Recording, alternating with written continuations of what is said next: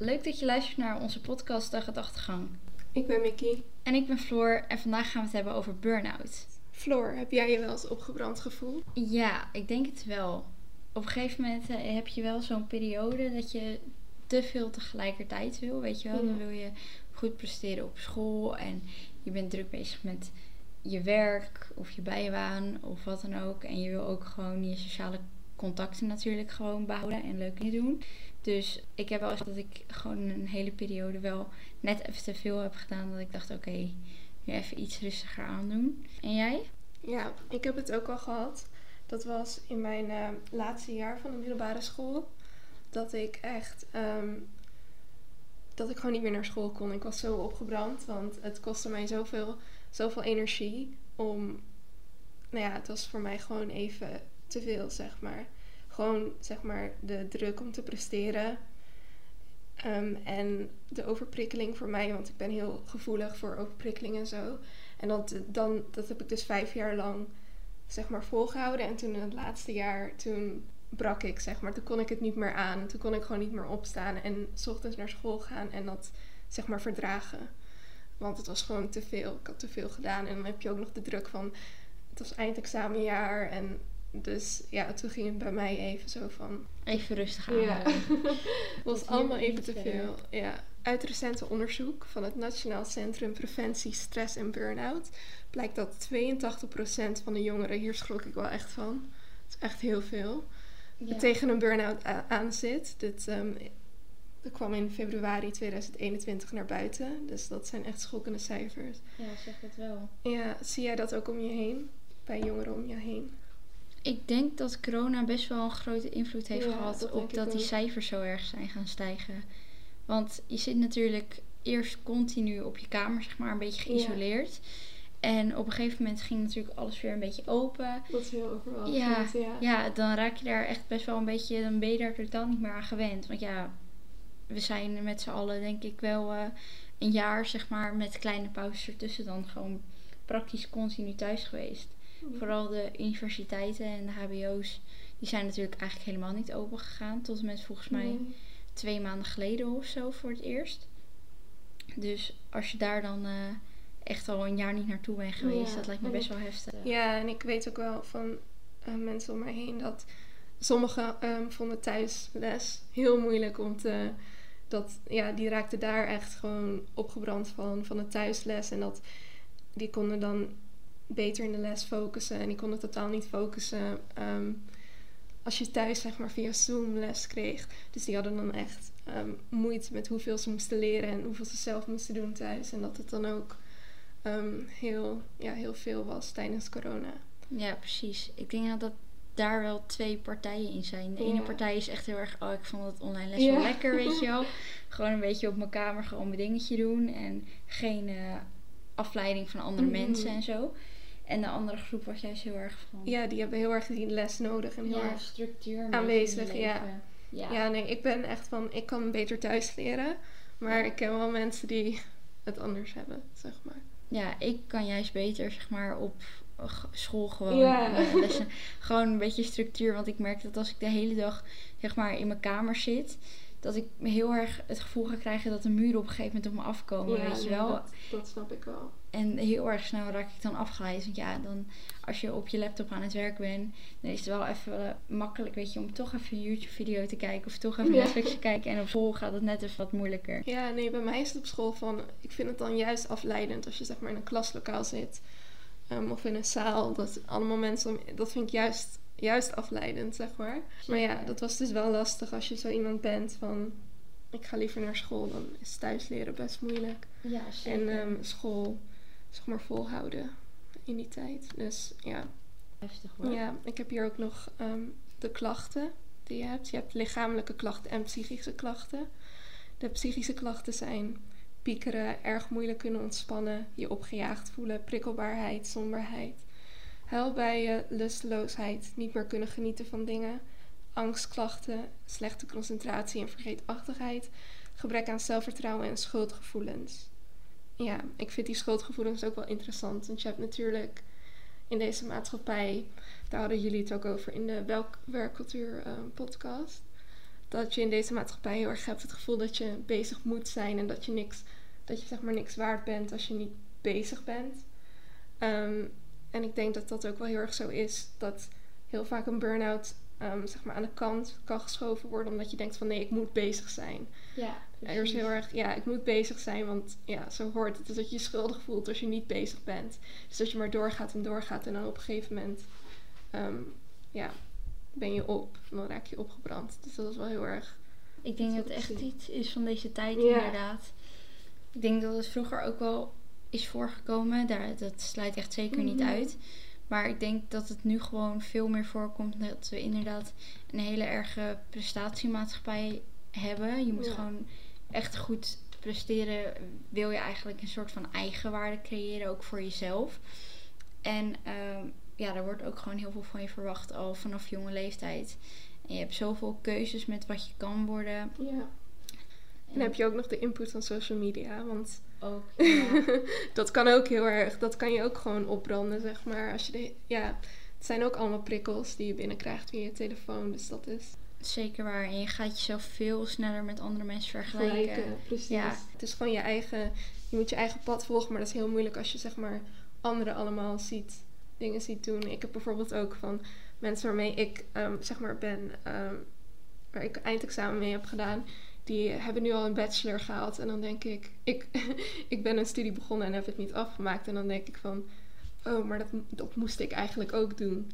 Maar iedereen heeft zijn eigen pad. Maar dan denk je van, oh, dat moet ik ook doen. Dus dan ga je zelf, zeg maar, druk opleggen om, net zoals anderen, um, te presteren. Dus dat is, dat, daar kan je zeker dat kan het zeker veroorzaken. Zeg. Zeker. Je gaat toch bepaalde deadlines die er eigenlijk niet zijn, ja. ga je voor jezelf stellen. Zo van, oh, maar op mijn twintigste moet ik dit al hebben bereikt. Terwijl Precies. dat slaat helemaal nergens op. Nee. Ehm, je hebt ook nog lichamelijke klachten. En dat is extreme vermoeidheid, slaapproblemen, hoofdpijn, maagpijn, darmklachten en duizeligheid. Ik denk dat. Ehm, ik heb dat ook om me heen gezien. Mijn moeder heeft ook een burn-out gehad. En lichamelijke klachten, um, daar had zij vooral last van. Het is dat ze mentaal ging ze maar door en door. Maar op een gegeven moment zei haar lichaam stop. En werd ze heel duizelig, kon ze niet meer goed lopen. Ehm, het, kan gewoon, het kan letterlijk je lichaam gewoon op stop zetten. Ja. Dat je lichaam gewoon niet meer verder kan. En dat vond zij heel frustrerend mentaal. Want mentaal had ze wel het gevoel van...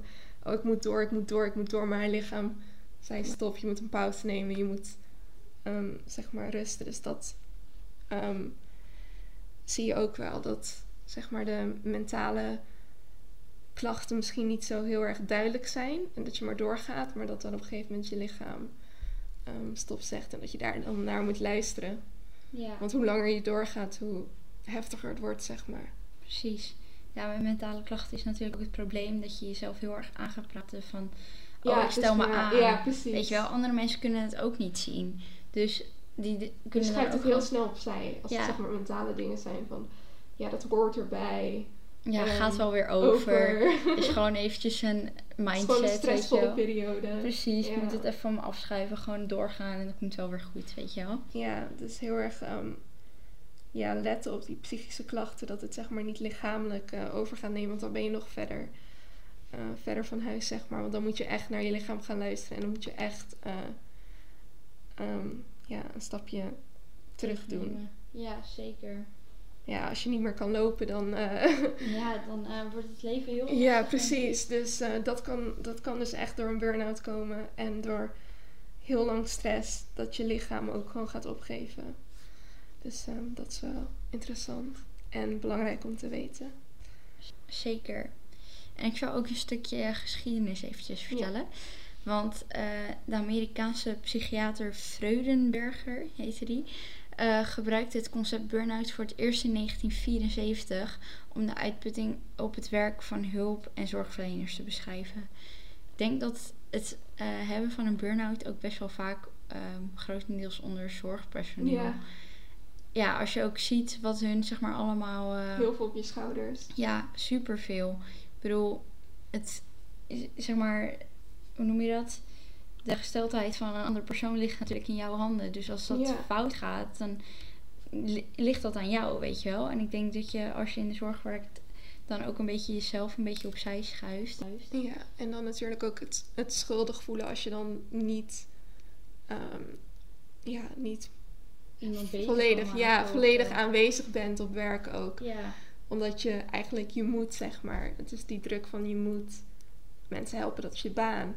En als je dan even zelf, als het zelf niet lukt, dat je dan jezelf doorpusht ja, totdat het leidt op, tot een burn-out. Dat je je eigen mentale gezondheid vergeet. precies. En ik denk dat corona daar zeker een schepje Ja, bovenop heeft gezet. Zeker.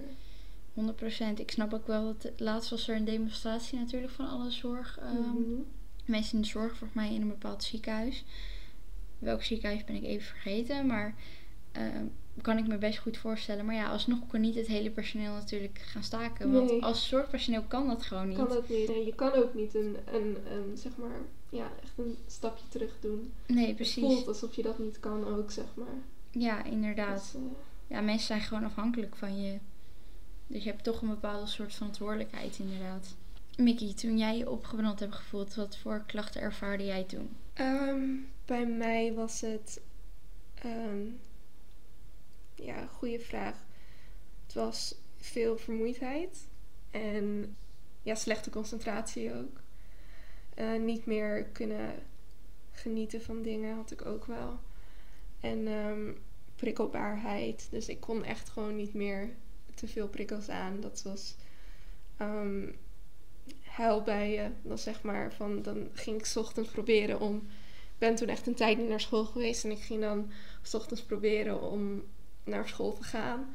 Maar dan halverwege ehm, dat ik me zeg maar aan het klaarmaken was, was zo van nee, het lukt niet. En dan huilen omdat het niet lukt, zeg maar.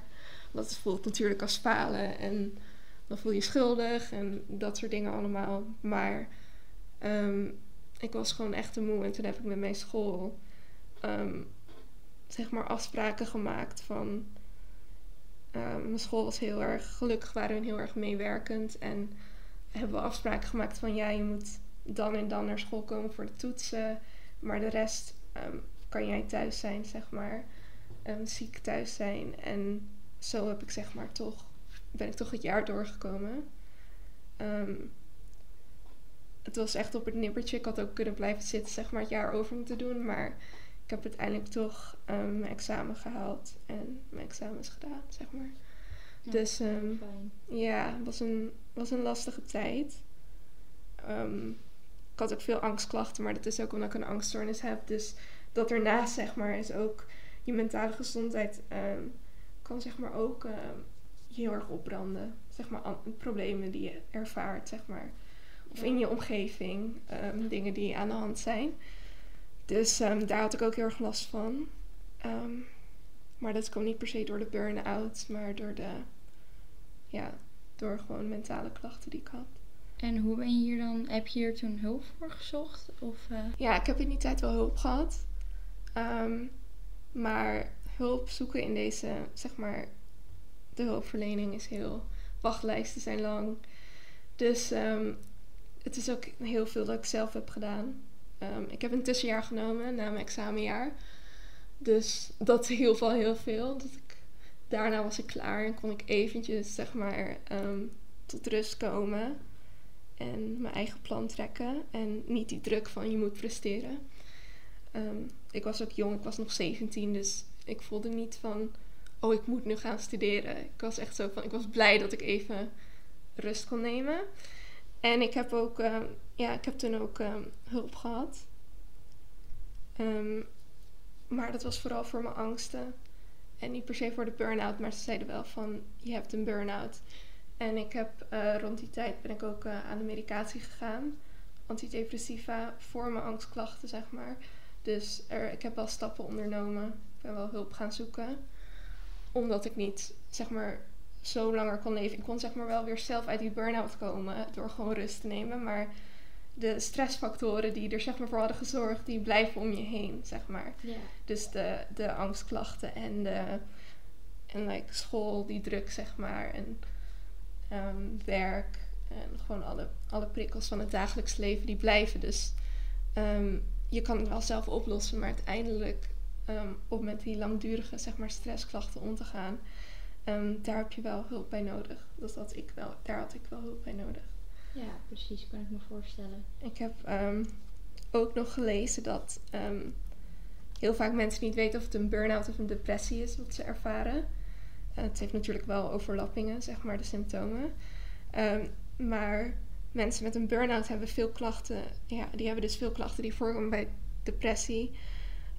zo ben je vaak somber en lusteloos. En je kunt ook vaak last hebben van schuldgevoelens, net zoals mensen met een depressie. Um, daarom is het soms moeilijk om te onderscheiden. Maar het verschil is dat een burn-out het gevolg is van langdurige overbelasting. Terwijl een depressie ook kan ontstaan zonder dat er sprake is van overbelasting. Um, verder speelt aanleg bij het ontstaan van een depressie een grotere rol dan bij burn-out. Dus bij burn-out, dat kan echt bij, bij iedereen voorkomen die langdurige stress ervaart. En depressie is vaak meer een aanleg en heeft niet per se een reden van te veel stress. dat is het uh, verschil ertussen. Um, Ik denk dat het ook moeilijk is om misschien te zien van... oh, heb ik een depressie of een burn-out? Um, Maar bij burn-out is het dus echt die stressfactoren om je heen. Zoals werk en dat soort dingen. Inderdaad. En wat je ook vaak ziet, tenminste wat een bepaalde blik is van andere volwassenen in deze maatschappij, is dat er vaak wordt gedacht dat een burn-out wel kan voorkomen bij een volwassene die fulltime werkt. Maar op het moment dat jij een student bent van ja. geen idee hoe oud, maakt het ja, niet ik uit. Had het, ik, had het, ik had het op de middelbare school en dan, je denkt niet dat dat voorkomt op een middelbare school, maar um, het kan toch gebeuren. Het kan toch dat er zoveel stress om je heen is, of dat je zoveel stress ervaart. Ja. Um, dat, het ontstaat. Het kan echt bij iedereen gebeuren. En vooral bij jongeren dus. Daar, vandaar ook die 82% die er tegenaan zit. En dan toch bij dit soort onderzoeken. En als er dan uitkomt dat er 82% van de jongeren daar last van heeft. Toch zijn er nog heel veel mensen, denk ik, in Nederland die denken... Die oh, oh ja, maar jongeren hebben het zo makkelijk. Ja, precies. Weet je, die hebben een uh, studie en dat, je bent niet van 9 tot 5 de hele dag aan het werk, weet je wel. En je hebt niet je huishouden en je hebt niet uh, je kinderen of weet ik ja, veel. Precies. Maar ik denk, ja, sorry, maar het maakt niet uit hoeveel dingen, zeg maar, hoeveel factoren jij hebt waardoor je een burn-out kan krijgen. Dat kunnen er twee zijn, maar dat kunnen er ook vijf zijn. Ja, dat maakt echt totaal niet uit. En ik denk dat het toch een beetje een vooroordeel is dat jongeren zich sneller aanstellen. Weet je wel? Ja. Oh, je zegt dat je een burn-out hebt, maar dat slaat helemaal nergens op. Je bent alleen een beetje moe. Ja, maar het is wel echt, ehm, ja, Echt het is wel echt serieus. Het Ja. is echt een ding dat speelt. En ehm, ook belangrijk dat als je dat ehm, ervaart, dat je daar eh, met iemand over praat. En om te kijken hoe je die stressfactoren en wat je voor je, hoe je dat kan verminderen. En als je het niet kan verminderen, hoe je zelf dan zeg maar ermee om kan gaan en een pauze ervan kan nemen. En ja, Ik denk dat veel jongeren en überhaupt iedereen eigenlijk gewoon te weinig informatie weet over burn-out. En precies. hoe dat dan ook kan ontstaan en wanneer je tegen Ja. jezelf moet zeggen tot hier en niet verder. Precies. En ja, er is gewoon de optie, weet je. ehm, je ziet met studies, je hoeft het niet per se in vier jaar af te hebben. Weet je, je kan, of drie jaar, hoe lang je studie is. Ehm, je kan ook zeg maar één semester dan zeg maar minder doen. Ja. En een paar vakken zeg maar dan weer later oppakken. Wat voor jou het beste is. Heel erg op je eigen mentale gezondheid afstemmen. En dat is heel ehm, belangrijk om niet bang, bang te zijn om dat zeg maar te gaan regelen en te vragen. We hebben ook, ehm, we hebben ook jullie mening gevraagd op, via Instagram. Eh, en ik zal het eventjes met jullie bespreken. Zo hebben we iemand, eh, we hadden de vraag gesteld overigens. eh, heb je je wel eens eh, opgebrand gevoeld en hoe ga je hiermee om? En iemand die zegt, ik weet dat meestal pas na, na dagen dat het zo is. En ik Ja. denk dat dat inderdaad ook het probleem is. Dus dat je niet weet, je ziet het niet, zeg maar, je voelt het niet aankomen. Als Nee. je zeg maar ook niet weet wat de klachten zijn. Dan... Nee, precies. Als het zover is, dan is het meestal al te laat. Ja, maar. precies. Dus ehm, preventie is heel belangrijk. Ja, zeker waar. Ben ik het mee eens. Bedankt voor jullie reacties. Ehm, wij vinden het heel belangrijk om jullie hierbij te betrekken en jullie ervaringen te bespreken. Volgende week donderdag komt onze nieuwe podcast online. Maar je hoeft ons niet te missen tot de volgende podcast. Want Mijn Jong Studio is ook actief op Instagram, YouTube en TikTok. Weet jij een onderwerp waar we het sowieso over moeten hebben? Stuur ons dan een DM op Instagram. Bedankt voor het luisteren en tot de volgende keer.